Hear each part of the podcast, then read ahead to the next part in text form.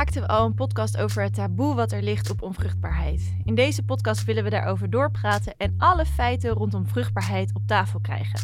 En zoals ik vorige keer ook al zei, kregen we zoveel vragen en positieve reacties van jullie binnen via Instagram dat het goed is om hier meer aandacht aan te besteden.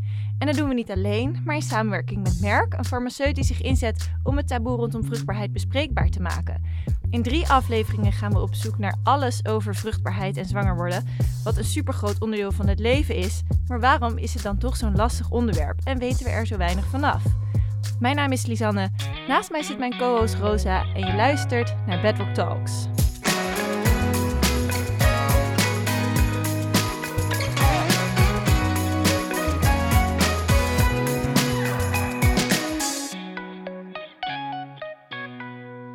Yes, dit is alweer de laatste aflevering in onze serie over vruchtbaarheid die we samen maken met Merk.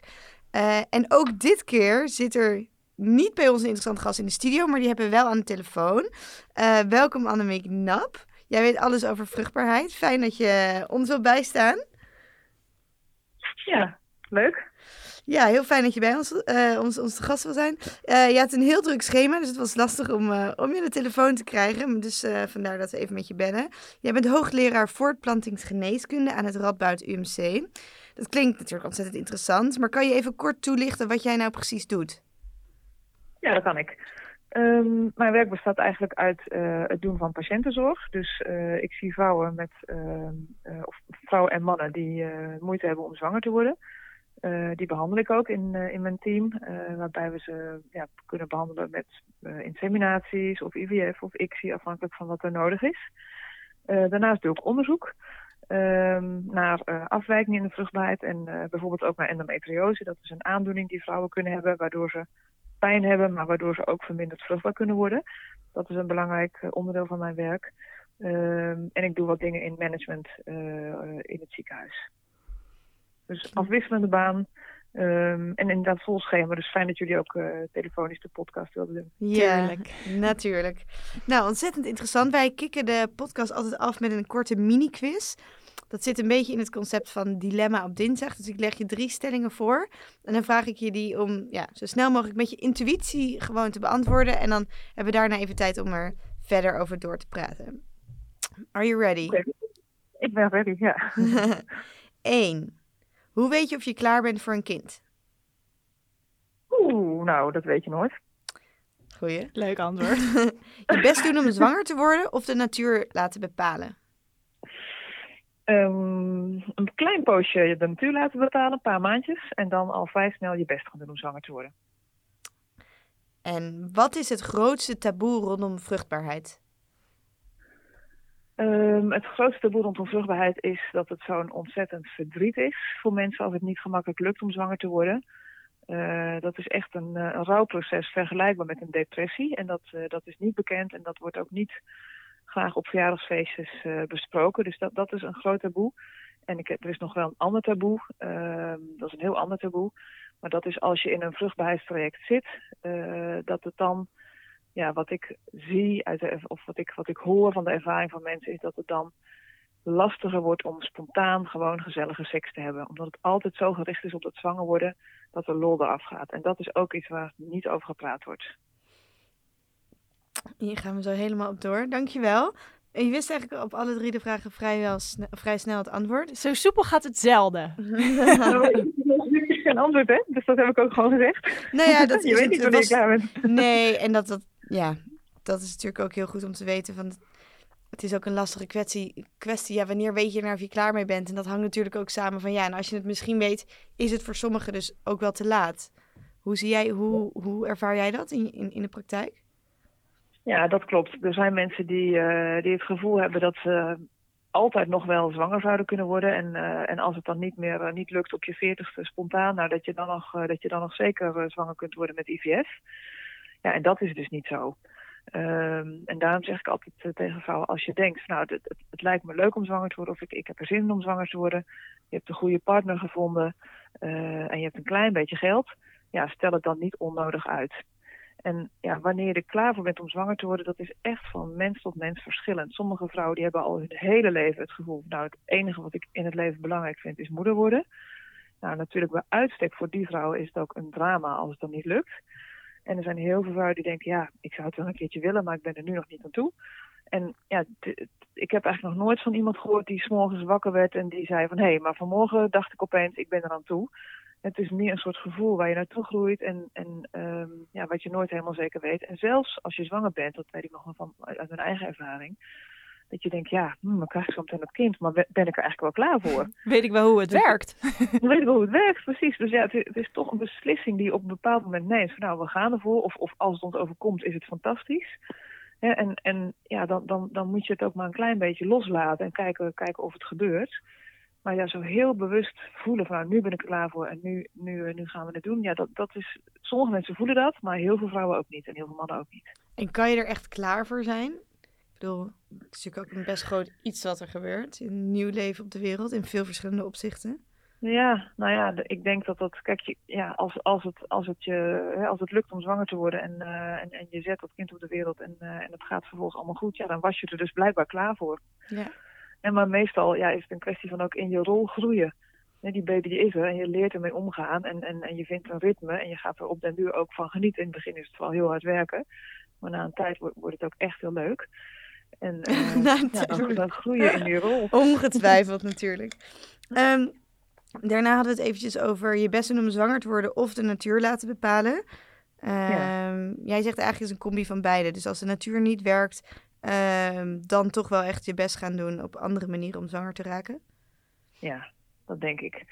Ja, weet je, het is natuurlijk ja, het meest ontspannen is als, het je, als je denkt, nou ik stop met de pil en ik zie wel wat er gebeurt. En als je dan binnen een paar maanden opeens plotseling zwanger blijkt te zijn. Dat is natuurlijk ja, ook het meest romantisch. Want ja, dan, dan, dan is het echt een zwangerschap die uit liefde ontstaan is. En nou, dat, dat, dat klinkt wel een beetje als het ideaalplaatje.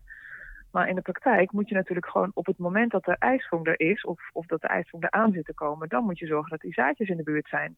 Dus ja, als je dan als je hebt, hebt besloten, maar ik wil nu heel erg graag uh, gaan proberen om zwanger te worden, ja, dan is het op zich verstandig om daar ook een beetje rekening mee te houden voor, met de momenten wanneer je gemeenschap gaat hebben. En dan is het slim om te weten wanneer je ijsprong komt, zodat je op die momenten uh, er ook inderdaad kunt zorgen dat er ook zaadcellen zijn. Het is lekker geplande seksdates hebben we het over. Ja, dat is geplande seks, ja. Jullie dan even. nou ja, ook eigenlijk om wat jij, wat jij net zei, Annemiek. Um, eigenlijk op de volgende vraag omtrent dat grootste taboe. Um, daar had ik zelf nog niet eens. Kijk, voor ons is die kinderwens nu nog niet van, van belang. Maar ik kan me heel erg voorstellen dat seks een hele andere lading krijgt. Op het moment dat je zo erg bezig bent met het krijgen van een kind. Het is niet meer leuk, we houden van elkaar, we hebben seks. Maar ik wil een kind, ik moet nu seks hebben. Weet je wel? Het krijgt gewoon een hele andere lading. Dat opent wel meer mijn ogen nu. Ja. En dan moet je dus ook klaarkomen tijdens de seks. Ja. Dat is natuurlijk ja, druk. Ja, druk Ja. ja. ja. En dat, dat is natuurlijk ook iets wat je allemaal uh, meemaakt in je werk op dagelijkse basis. Ja, dat is zo. En, en dat is iets wat, uh, wat mensen vaak ook moeilijk vinden om te bespreken. Dus soms kom je er ook achter dat ze en bijvoorbeeld als ze, als ze in een, eenmaal in een IVF-traject uh, zitten, dat ze dan gewoon helemaal geen, uh, geen seks meer hebben. Omdat, omdat ze er gewoon echt geen zin meer in hebben. En het is altijd zo gekoppeld geweest aan zwanger worden. Nou, en nu hebben ze dan een behandeling gevonden waarmee ze hopelijk zwanger worden. Dus dan, dan doen ze het niet meer. Ja, dat is natuurlijk zonde. Of, of mensen die in een inseminatietraject zitten, die zeggen: ja, we zijn alleen nog maar aan het plannen van: oké, op, op dinsdag en op donderdag en op, uh, en op zaterdag moeten we, moeten we gemeenschap hebben. En dan moeten we op zondag ook wel eens naar het ziekenhuis voor een inseminatie. Nou, uh, de alle andere dagen van de maand hebben we echt geen zin meer. Want uh, ons hele leven staat in het teken van, van getimede seks. En dat is, ja, dat is ontzettend jammer als je, als je merkt dat dat, dat dat gebeurt bij mensen.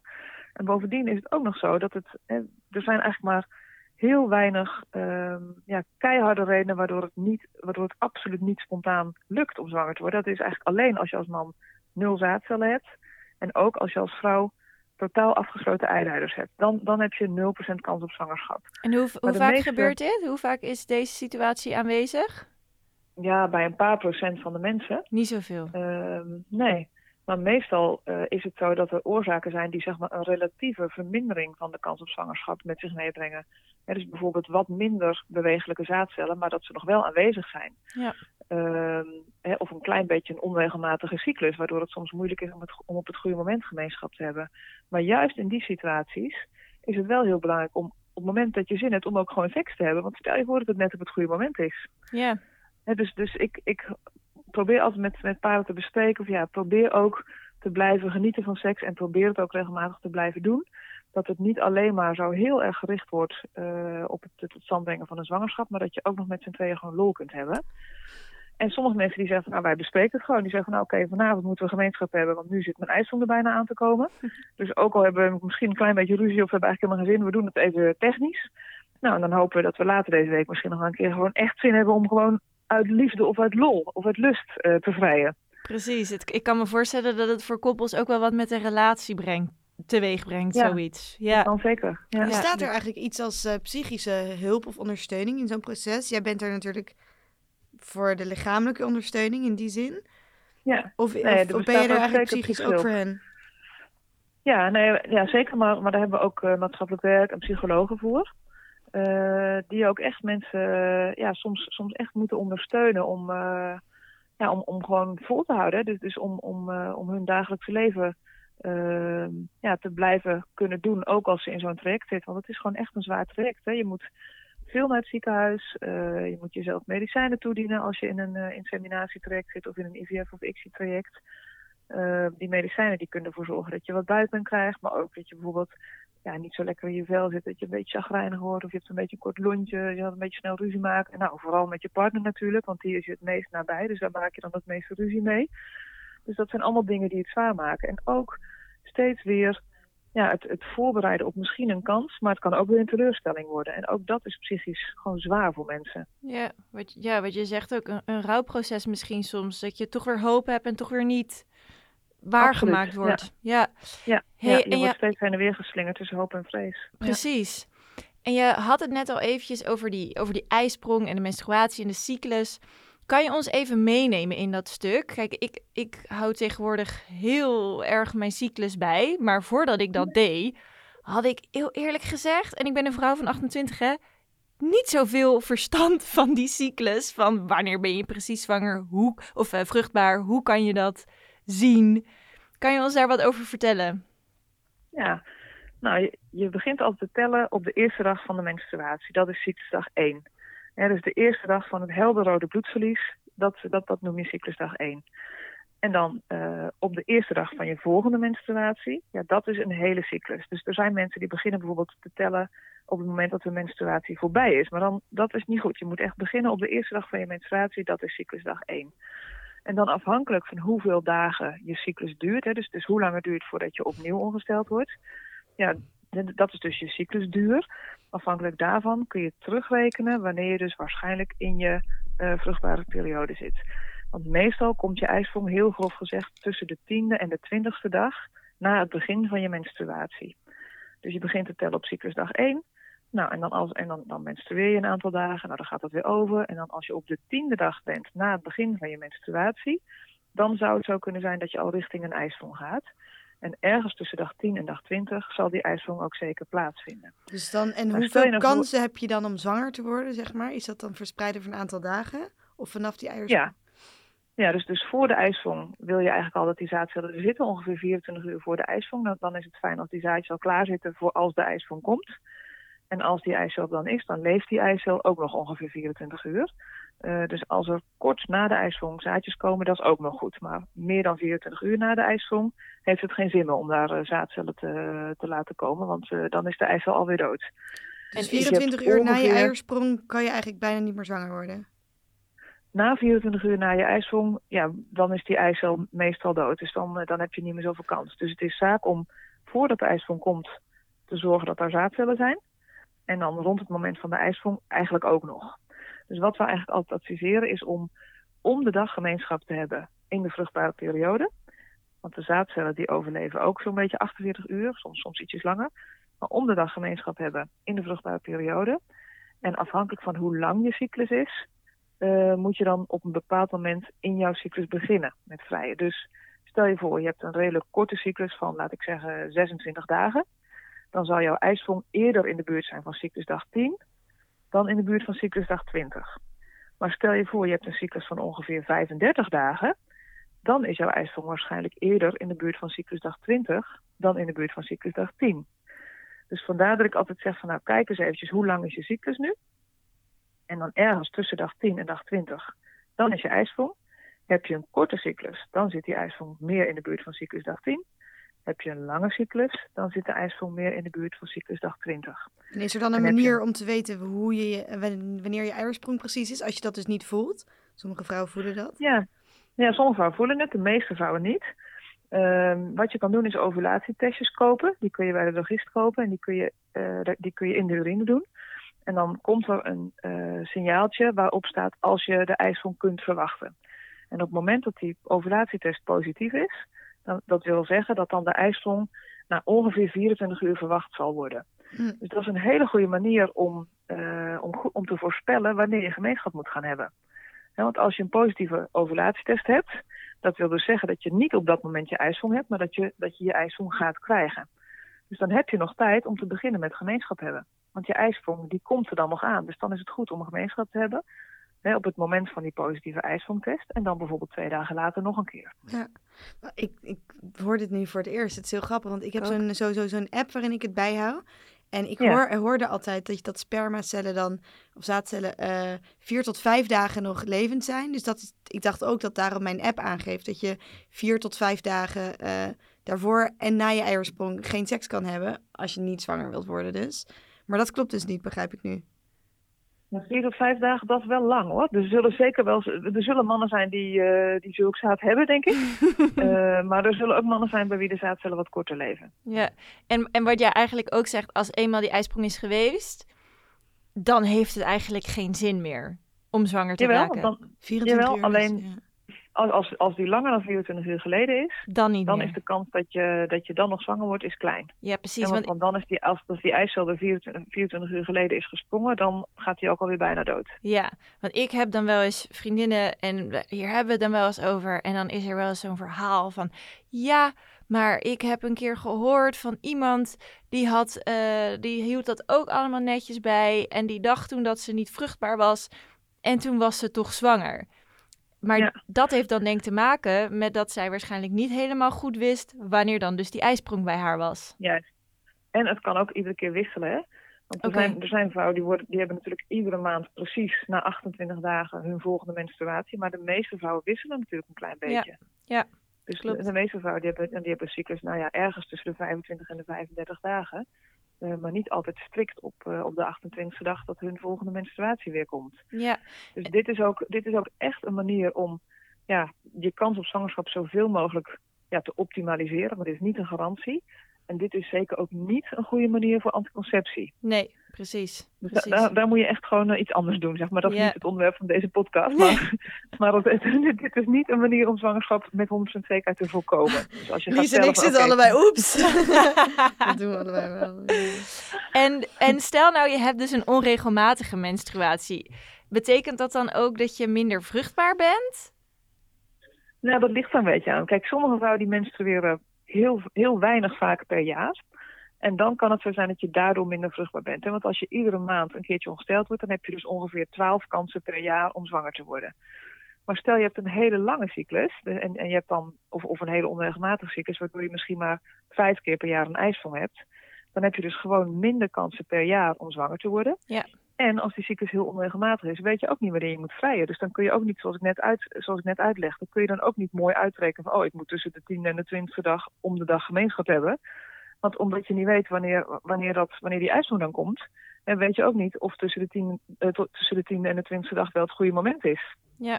Ja. ja. Want die uitleg die ik deed geldt alleen maar bij een cyclus tussen de 25 en de 35 dagen.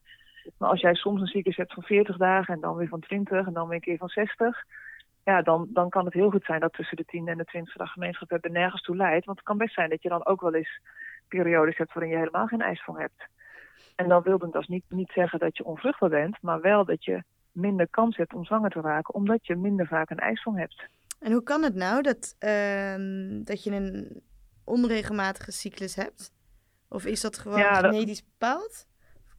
Nou, dat kan voor een deel genetisch bepaald zijn, maar er zijn ook, uh, er zijn ook bepaalde ja, aandoeningen die daarmee samenhangen, zoals bijvoorbeeld PCOS. Hè, dus dat je, dat je hele actieve eierstokken hebt, waardoor, de, waardoor de ijsvong uh, ja, als het ware een beetje wordt tegengehouden. En dus, dus ja, ik, ik leg altijd uit dat de hormonen dan niet zo goed met elkaar samenwerken, waardoor die, waardoor die piekjes van de verschillende hormonen niet goed op elkaar zijn afgestemd, waardoor er niet altijd de goede ijsvong komt. Het kan verschillende oorzaken hebben. En zijn er nog andere soort van externe factoren die daar nog invloed op kunnen hebben? Dus op je cyclus of op je um, vruchtbaarheid aan zich misschien? Ja, mensen die heel erg mager zijn, die, uh, die menstrueren vaak helemaal niet. Omdat, ze, ja, omdat hun lichaam eigenlijk stopt met het produceren van de vrouwelijke geslachtshormonen. Waardoor ze ook geen ijsvong meer hebben. Uh, en aan de andere kant heel ernstig overgewicht. Ja, dat, dat kan ook weer een verstorende invloed hebben op je hormoonbalans. Uh, waardoor je daardoor ook uh, een minder regelmatige cyclus kunt hebben. Ja, precies.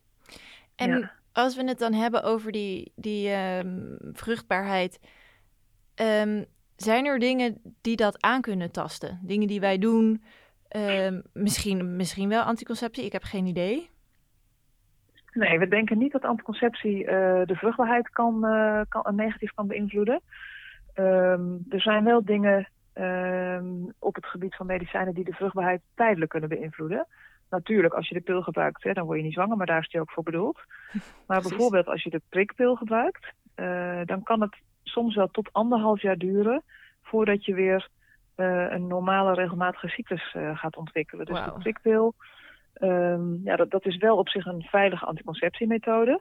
Alleen op het moment dat je dan denkt van hé, hey, maar nu, nu wil ik graag toch proberen om zwanger te worden, dus ik stop met die prikpil ja, dan kan het dus nog een hele tijd duren voordat je cyclus zich weer heeft hersteld. Dus dat, dat vind ik zelf minder aantrekkelijk aan de prikpil. Um, en verder zijn er, zijn er nog wel dingen die, uh, ja, die ongunstig zijn. Uh, bijvoorbeeld voor de reservecapaciteit voor de, van de eierstokken. Dus hoe fit de eierstokken zijn. En dat is bijvoorbeeld roken. Dus als je als vrouw rookt, um, daarvan verouderen je eierstokken sneller dan zonder te roken. Dus op het moment dat je zegt, ja, ik wil mijn vruchtbaarheid zo veel mogelijk optimaliseren, dan is het belangrijk om niet te roken. Ja, precies. En is er ook bijvoorbeeld uh, iets wat je kan doen om die vruchtbaarheid te vergroten? Bepaalde voedingsproducten? Um, en een andere vraag die daar ook een beetje los van staat, speelt je mindset daar ook een rol bij? Ja, dat is een hele lastige vraag. Um, ik denk eerlijk gezegd uh, dat dat niet echt een rol speelt. Um, want heel veel vrouwen zijn daar bang voor. Hè? Die zeggen, ja, ik ben zo gestrest, ik ben zo erg bezig met zwanger worden... dat ik, dat ik denk dat het daardoor misschien wel niet lukt. Ik heb zoveel stress dat ik het daardoor misschien wel tegenhoud. En ja, wij, denken eigenlijk als, als artsen dat dat, uh, dat dat wel mee zal vallen. Um, en dat, dat je jezelf eigenlijk niet ja, onvruchtbaar kunt piekeren, zal ik maar zeggen. Mm-hmm. Um, ja, om maar eens heel plat te zeggen, hè, als, als vrouwen verkracht worden, hebben ze natuurlijk ook enorm veel stress. Uh, dan, dan worden vrouwen ook zwanger. Uh, in oorlogssituaties, als mensen met heel veel stress te maken hebben, worden vrouwen ook zwanger. Dus ja, we denken dat dat eerlijk gezegd wel meevalt. Uh, dat wil niet zeggen dat het niet goed is om de stress zoveel mogelijk te beperken. maar wat ik altijd tegen vrouwen zeg, ja, er is nou eenmaal een bepaalde hoeveelheid stress die je niet kunt uitzetten. Hè? Als jij bezig bent met, een, met proberen zwanger te worden en het lukt niet, of als je bezig bent met een vruchtbaarheidsbehandeling, dan heb je gewoon stress. Dat is niet anders. Dat, dat, dat, dat kan gewoon niet anders, want dat gaat gewoon met stress gepaard. En ja, ik adviseer die vrouw altijd om dat te accepteren. Om te zeggen, ja, dit hoort nu bij de fase waar ik in zit, dit hoort bij mijn behandeling. En ik, ik adviseer ze dan altijd wel om zoveel mogelijk stress die ze wel kunnen beperken of die ze wel kunnen vermijden, om die dan te proberen te vermijden. Maar gewoon met als doel om goed voor zichzelf te zorgen. Dus ik zeg altijd, als je een hekel hebt aan verbouwen, ga dan niet verbouwen in een periode dat je probeert om zwanger te worden, of dat je met een vruchtbaarheidsbehandeling bezig bent, of als je een of andere moeilijke nieuwe opleiding moet gaan doen waar je tegenop ziet, ga dat dan niet doen in een periode waarin je probeert zwanger te worden of waarin je uh, in een vruchtbaarheidsbehandeling zit. Hè. Dus allemaal ja, vermijdbare stress. Probeer die, probeer die ook jezelf te besparen. En om dan positief om te draaien, zijn er dan ook nog dingen die je mensen dus adviseert om wel te doen? Stop met roken. Ja. En goed voor jezelf zorgen. Ja. En dan in de breedste zin van het woord, van mentaal en fysiek neem ik dan aan. Ja, ja. en wat ik altijd tegen mensen zeg, probeer ook altijd van elkaar te blijven genieten. Bewaak je basis. Je bent, je bent bij elkaar gekomen omdat je, omdat je van elkaar hield of omdat je elkaar ontzettend leuk, interessant en uh, bijzonder vond. Ja, probeer dat vast te houden. Dus probeer ook leuke dingen te blijven doen los van het proberen zwanger te worden. En probeer het daar niet alleen maar over te hebben. Dus dat je elkaar niet uit het oog verliest. En dat is natuurlijk als je het hebt over een koppel. Ik kan me ook voorstellen dat jij ook mensen, eh, zeg maar single personen eh, helpt. Ehm, ja, ook. Ja. En zijn er dan dingen voor, voor hun die je aanraadt? Want die, ja, die kunnen dat proces misschien toch minder goed delen. Nee, ja, nou, zo- zoek een netwerk. Hè. Dus, dus praten over met vrienden of met, met, met je moeder of met je zus of, of eh, met, met mensen die je vertrouwt. Eh, dat is altijd een goed idee. Maar, maar verder zijn er eigenlijk niet, niet veel dingen die je zelf kan doen om je kans op zwangerschap te vergroten. Behalve dus goed weten wanneer je vruchtbare periode is en zorgen dat je niet rookt. Hm. Ja. Nou, er zijn ook een heleboel eh, fabels die we dan nu van tafel kunnen vegen, volgens mij. Want, Oh ja, stel eens. nou, Lies, jij had het... ehm, Mijn vriend die zei, ik zei, "Wou- Wout, wat wil je weten van een gynaecoloog omtrent vruchtbaarheid? En hij zegt, is het waar dat je minder vruchtbaar bent als je strakke boxers draagt en cola drinkt? Oh ja, nou, nou dat is waar namelijk. Nee, want want eh, wat ik nu heb gezegd, dat geldt voor vrouwen. Eh, maar voor mannen is het wel zo dat de temperatuur van hun eh, zaadcellen, Ja, dat die niet te hoog moet zijn. De testikels die hangen niet voor niks buiten het lichaam. Dus de temperatuur in de testikels die is eh, nou, zo'n beetje tussen de 34 en de 36 graden. Lichaamstemperatuur is eh, nou, zo'n beetje 36,5, 37 graden. Ehm, en lichaamstemperatuur, dat is voor zaadcellen eigenlijk te warm.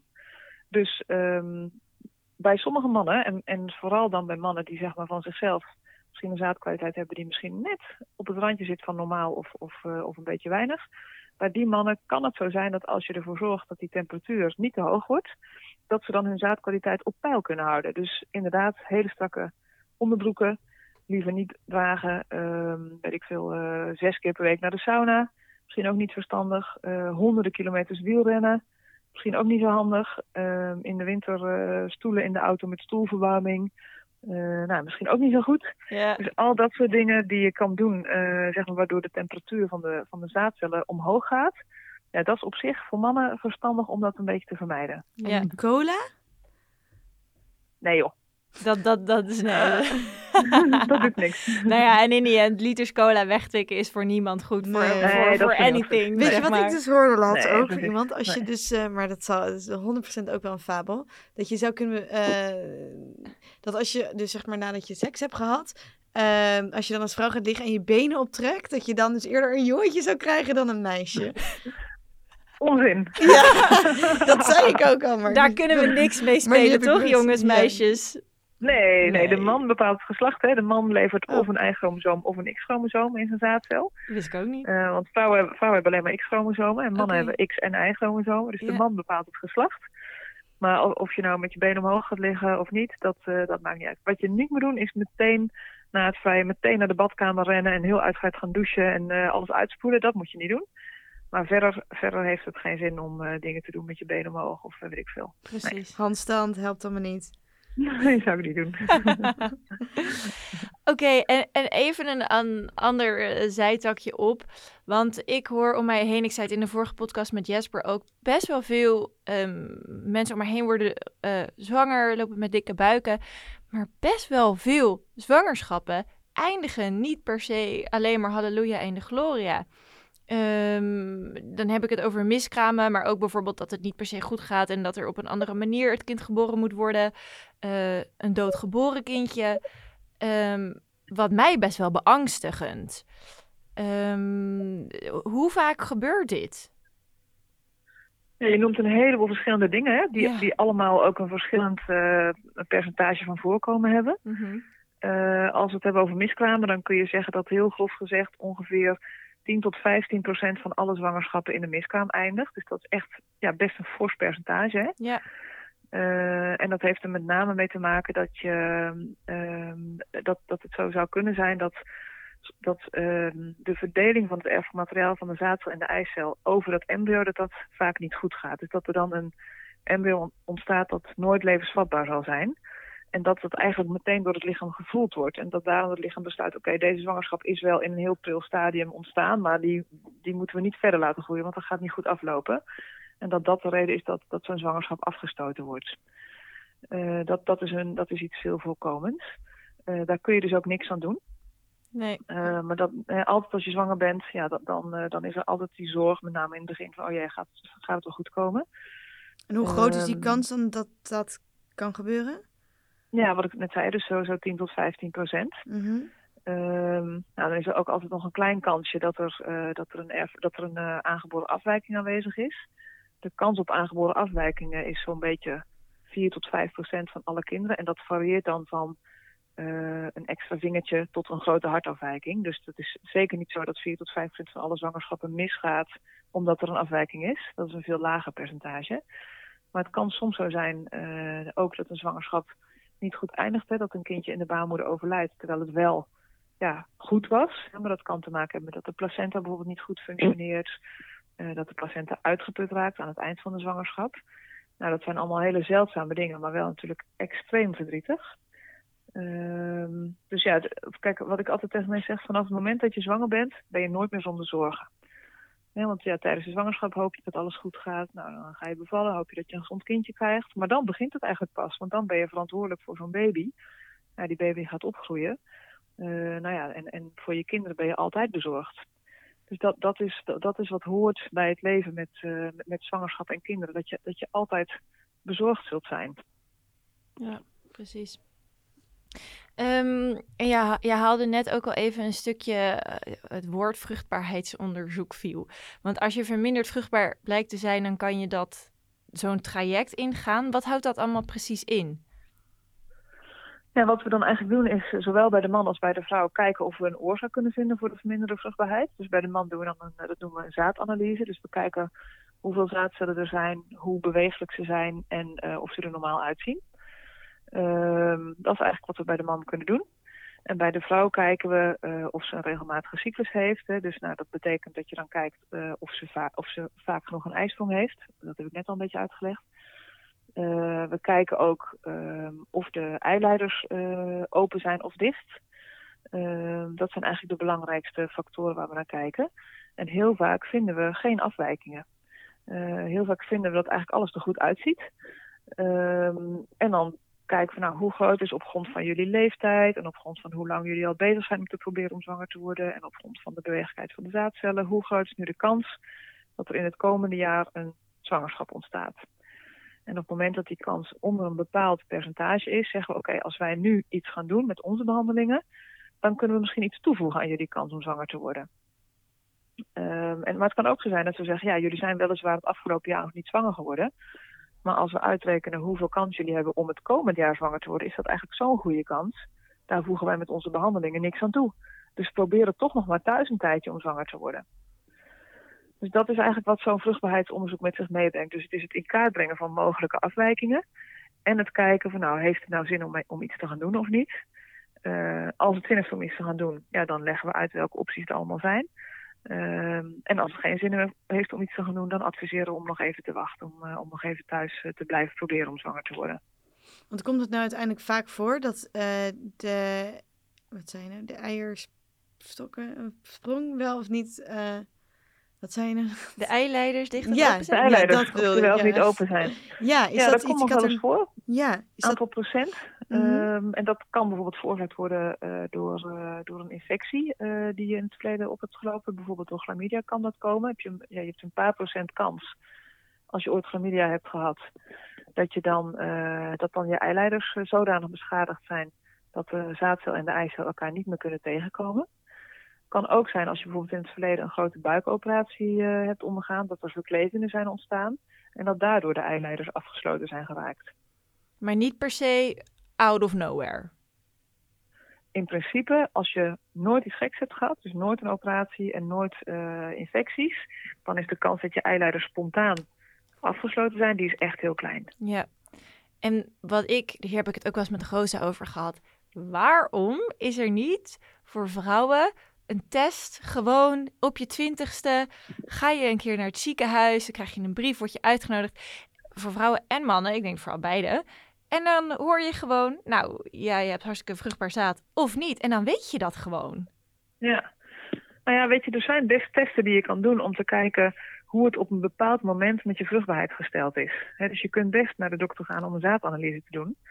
Ehm, zodat, je, zodat je weet hoe dat op dat moment is. En je kunt ook best naar de huisarts gaan om uh, bijvoorbeeld bloed te laten prikken om te kijken hoe het met je hormonen is. Je kunt ook best een onderzoek doen om te kijken hoe het met je eileiders is. Oké. Maar dat zegt iets over de toestand op dat moment. En uh, dat geeft je dus bijvoorbeeld niet een garantie voor de toekomst. Dat zegt je niet, oké, je, je, je, hebt nog tien jaar de tijd om zwanger te worden. Oké. Dus op het moment dat je, uh, dat je nog niet aan het proberen bent om zwanger te worden, heeft het sowieso geen zin om dat soort testen te doen. En als je aan het proberen bent om zwanger te worden, dan heeft het maar een heel, heel beperkte ja, voorspellende waarde. En uh, dus, dus wij, wij zeggen altijd, ja, op het moment dat, je, dat alles zeg maar normaal is bij jou, hè, dus je hebt een normale cyclus, je hebt geen gekke dingen gehad in je voorgeschiedenis, ja, dan is de kans dat het gewoon vlot binnen een jaar lukt om zwanger te worden, die is ongeveer 80% En als het binnen een jaar niet lukt, ja, dan is het tijd om naar de huisarts te gaan. Dan moet je het laten onderzoeken. Maar ook als je bijvoorbeeld een hele onregelmatige cyclus hebt, of als je in het verleden een grote buikoperatie hebt gehad, of als je als jongetje uh, bijvoorbeeld uh, hebt gehad waarvoor je verschillende keren aan bent geopereerd, dat kan iets. Dat kan iets met je zaadkwaliteit doen. Ja, dan is het misschien zinvol om al eerder naar de dokter te gaan. Ja. Maar anders, als je, als je geen gekke dingen hebt meegemaakt, dan kan je het gerust een jaar proberen, want dan is de kans dat je binnen dat jaar zwanger wordt ongeveer 80 procent. Hm. Tenzij je als vrouw natuurlijk uh, 40 plus bent, dan is die kans kleiner dan 80 procent. Want ja, hoe ouder je wordt, hoe kleiner de kans op zwangerschap. Dus vanaf Maar je zo- veertigste gaat dat, die, dat percentage van 80% eigenlijk pas naar beneden. Ja, nou, nee, nee, eerder al hoor. Ehm, eigenlijk gaat je zwangerschap van, sorry, eigenlijk gaat je kans op zwangerschap vanaf je dertigste al een klein beetje naar beneden. En vanaf je 35ste gaat het hard naar beneden. En vanaf je 40ste heb je eigenlijk geen tijd meer te verliezen, zal ik maar zeggen. Dan, eh, da- dan, dan heb je echt haast eh, om, eh, als, je, als je dan nog wilt beginnen. Dus, dus wij adviseren eigenlijk altijd om ja, nooit onnodig uit te stellen. Hè. Dus als je, wat ik al eerder zei, hè, dus op het moment dat je denkt, nou, ik, ik zou graag zwanger willen worden, je hebt een goede man en je hebt een klein beetje geld, dan niet onnodig uitstellen. Ehm, maar zeker vanaf je dertigste gaan proberen. Want uitstel is afstel. ja, dat zou kunnen. Ehm, maar er zijn natuurlijk ook situaties waarin vrouwen wel weten dat ze heel graag een, een eh, kindje willen, maar ze hebben nog geen eh, partner. Sommige vrouwen kiezen Ja. ervoor om dit dan alleen te doen. Ehm, Ja. Andere vrouwen denken, ik laat mijn eicellen ergens invriezen, zodat het later allemaal nog kan gebeuren. ja, ja. Hoe, wat, wat gebeurt er dan? Ja, wat je, wat je dan doet als je je eicellen laat invriezen is, dan onderga je als het ware een IVF-behandeling. Eh, want je kunt niet je eicellen zomaar laten invriezen eh, zonder dat je daar medicijnen voor hebt gebruikt. Dat komt als je, als je, eh, je, je eicellen die zitten in je eierstokken en die zijn onrijp. En iedere maand rijpt er één eitje. Nou, op het moment dat je eicellen wilt laten invriezen, kun je alleen maar rijpe eicellen laten invriezen. Onrijpe eicellen kun je niet invriezen. Dus op het moment dat je eicellen wilt laten invriezen, moet je ervoor zorgen dat die met behulp van medicijnen gaan rijpen. En dat is het proces wat je ook doet als je een IVF-behandeling ondergaat. Dus je moet dan medicijnen gebruiken, injecties eh, van hormonen. Eh, dat duurt meestal tussen de twee en de vijf weken. Eh, in die periode kom je een aantal keer naar het ziekenhuis, zodat we met een echo kunnen kijken of die eicellen goed aan het rijpen zijn. En op het moment dat we zien dat er genoeg eiblaasjes zitten en ze zijn rijp, dan doen we een eicelpunctie, waarbij we met een naaldje naar de eierstokken toe gaan om de, eh, om de eicellen op te zuigen. En die kunnen we dan invriezen. Het is belangrijk dat vrouwen zich dat realiseren, omdat sommige mensen denken van, oh, dan ga ik naar het ziekenhuis, laat ik even mijn eicellen invriezen. Maar dat is dus wel een heel traject wat je moet ondergaan. Hè? Dat, dat, dat duurt een aantal weken, waarbij je dus medicijnen moet gebruiken. En dat, dat, dat kan best een beetje belastend zijn. Precies. Maar En op zich, ik, ja, ik, wou, ik wou zeggen, stel, stel ik zou dat nu doen en ik kom op mijn veertigste eens een keer aankakken. Nou, ik wil ze nu wel gebruiken. Is dan die kans dat ze nog, dat dat, dat dan nog goed is, is die even groot? Nee, niet, niet even groot eh, als bij verse eicellen. Maar op het moment dat je je eicellen in laat vriezen onder je 35ste en je vriest er genoeg in, eh, dat wil zeggen ergens tussen de 10 en de 15 eicellen, dan heb je een reële kans dat die uiteindelijk tot een zwangerschap leiden. Ja. Vries je er nou minder in dan 10 tot 15 of ben je ouder dan 35, dan is de kans op zwangerschap ja, beperkt. Precies. Oké. Roos, heb jij nog vragen? Nou, ik vroeg me af of er in de verder nog feiten of, of mythes zijn die jij eh, voor eens en altijd eh, de das om wilt doen. Oei, dat is, dat is een lastige vraag. Die had ik echt niet zien aankomen. Feit of mythes? Nou ja, wat, wat ik dus van belang vind is dat, Fabels dat mensen mythes, zichzelf... Ja. Wat hè? ja, fabels of mythes, inderdaad. Ja. Oh ja, ja precies. Fabels of mythes. Ja, precies. Feit hebben we net al heel veel over Ja. gehad. Nee, dus eh, wa- wat ik zou willen zeggen is dat mensen zichzelf niet ehm, eh, gek moeten maken door te denken dat ze door stress eh, niet zwanger kunnen worden. Hè, accepteer maar dat je stress hebt als je probeert om zwanger te worden of als je in een fertiliteitstraject zit, want ja, dat hoort er gewoon bij en je kunt dat toch niet uitzetten. Eh, dat is wel een fabel die ik, eh, die ik graag eh, de wereld uit wil heb- hebben. En het andere is, ja, weet dat je echt een beperkte tijd hebt om zwanger te worden. Dus denk niet, ik wacht gewoon tot mijn veertigste en daarna ga ik gewoon IVF doen en dan lukt het zeker om zwanger te worden. Dat, dat is echt iets wat wij als dokters ja, toch op de een of andere manier onvoldoende duidelijk kunnen maken aan vrouwen. Dat ze, dat ze echt moeten weten, van, nou, zo rond mijn dertigste is het echt wel tijd om te starten met proberen zwanger te worden. Want het kan best zijn dat, dat het daarna gewoon veel moeilijker is om het voor elkaar te krijgen. Ja, en dan komen ze bij jullie en dan mogen jullie met jullie magische handen het wel veroorzaken. Maar goed, dat is natuurlijk iets wat dan niet meer zo makkelijk gaat. Precies. precies. Wat ik me ook ja. nog afvraag is waarom dit zo'n taboe is. Waarom praat je er niet gewoon over? Want het gebeurt dus bij een vrij groot percentage. Ja, Eh, ja wij, wij doen niet anders. Wij heen. praten er de hele dag over. Ja, ja, nee, ja, goed. Anders, ja, dat is jouw baan natuurlijk. Ja, maar Ehm, daarom is zo'n podcast ook zo ontzettend belangrijk. Ja, ik denk ook Ja, dat, dat mensen weten dat ze niet alleen dat zijn. Dat het Ja, vaker precies. gebeurt. Ja. Ja. Ja, nee, ik, ik ben helemaal voor om er vaak over te praten. Ja, en dat het dus ook helemaal niet iets, om, iets is om voor je... te, eh, Ja. Om je voor te schamen. Ja. Nee, zeker niet. Zeker niet. Ja, ik vind het zelf nog wel een lastige kwestie hoor. Omdat ik dan denk van ja, ik, ik zit dus helemaal in die doelgroep van ja, later. Ik ben nu nog even allemaal andere leuke dingen aan het doen. En ik vind ook, ja, Ja. dat geldt voor mij, maar ik vind het dus niet iets waar ik waar licht over gedacht eh, moet worden. Ik vind dat Mhm. toch zo'n verantwoordelijkheid. En nou goed, we hebben het er in de eerdere pas- podcast ook een beetje over gehad. Ja, ik vind het toch nogal wat. Dus ik heb ook zoiets van ja, ik, ik wil helemaal niet op mijn dertigste, dat is bij mij volgend jaar al, al over na gaan denken. Er zijn nog andere dingen die ik graag wil doen. Ehm, En ja, misschien als het dan daarna niet lukt, dan misschien gewoon niet of zo. Denk Ja. ik dan. Maar goed, dat zeg nee, maar ik dat nu betekent natuurlijk. al dat je er wel over na hebt gedacht, hè? Want je Ja, zegt eigenlijk nu al, ik vind het moeilijk om erover na te denken, maar het zou best kunnen dat ik het, dat ik het dan niet wil. Ja, of Ja, gewoon dus- nu dus nog niet, dat ik dat niet gewoon zomaar wil doen van, oh ja, nee, ja, even, misschien een kind, ja. Nee, je zet wel natuurlijk ongevraagd een kind op de wereld. En wat voor wereld, denk ik soms, denk ik, nou, daar wil ik wel eh, goed opgewassen tegen zijn tegen die tijd, weet je wel. Ja, Op heel veel verschillende manieren. En als het dan te Ja. laat is, ja, dan, dan is het misschien dan gewoon niet voor mij of zo. Ja. Wat dan misschien heel verdrietig is. Maar goed, weet ja je, maar dat- dat is wel, ja, dat is ook een overweging, hè? Dus dat je zegt, nou, ik, ik, ik wil er echt nog even over nadenken. En op het moment dat het niet goed voelt, doe ik het niet. En dan accepteer ik dat het dan misschien wel nooit wordt. Ja, en Maar dan jij- heb je er in ieder geval bij stilgestaan. Maar Ja, zie ja. jij dan ook in de praktijk dat het eigenlijk puntje bij paaltje heel anders is? Dat is waarschijnlijk heel op dat dat dat Nou ja, wat, wat, ik, ja, wat soms wel eens gebeurt, en dat vind, ik, dat vind ik altijd heel opvallend om te zien, dat mensen heel lang twijfelen. En dan zijn ze veertig en dan komen ze in het ziekenhuis en dan moet, dan moet alles met spoed. ja. En dan willen ze morgen aan de beurt zijn en dan, eh, dan zeggen ze, ja, sorry, maar we hebben, we hebben toch een poosje wachtlijst voordat je met IVF kunt beginnen. Wat? Wachtlijst? Dat kan niet, want we zijn al veertig. En dan denk ik, ja, joh, hè, dan heb je zo lang gewacht. Ja, En Dus- dan, dan moet het nu opeens allemaal met, met spoed en snel. En dat snap ik wel, maar dat is niet reëel. Nee. En, Dus en wat is daar dan echt- een oplossing voor? Want ik snap ook Ja, dat je op niet tijd gehaast. beginnen. Ja, maar als je daar dan nog niet klaar voor bent.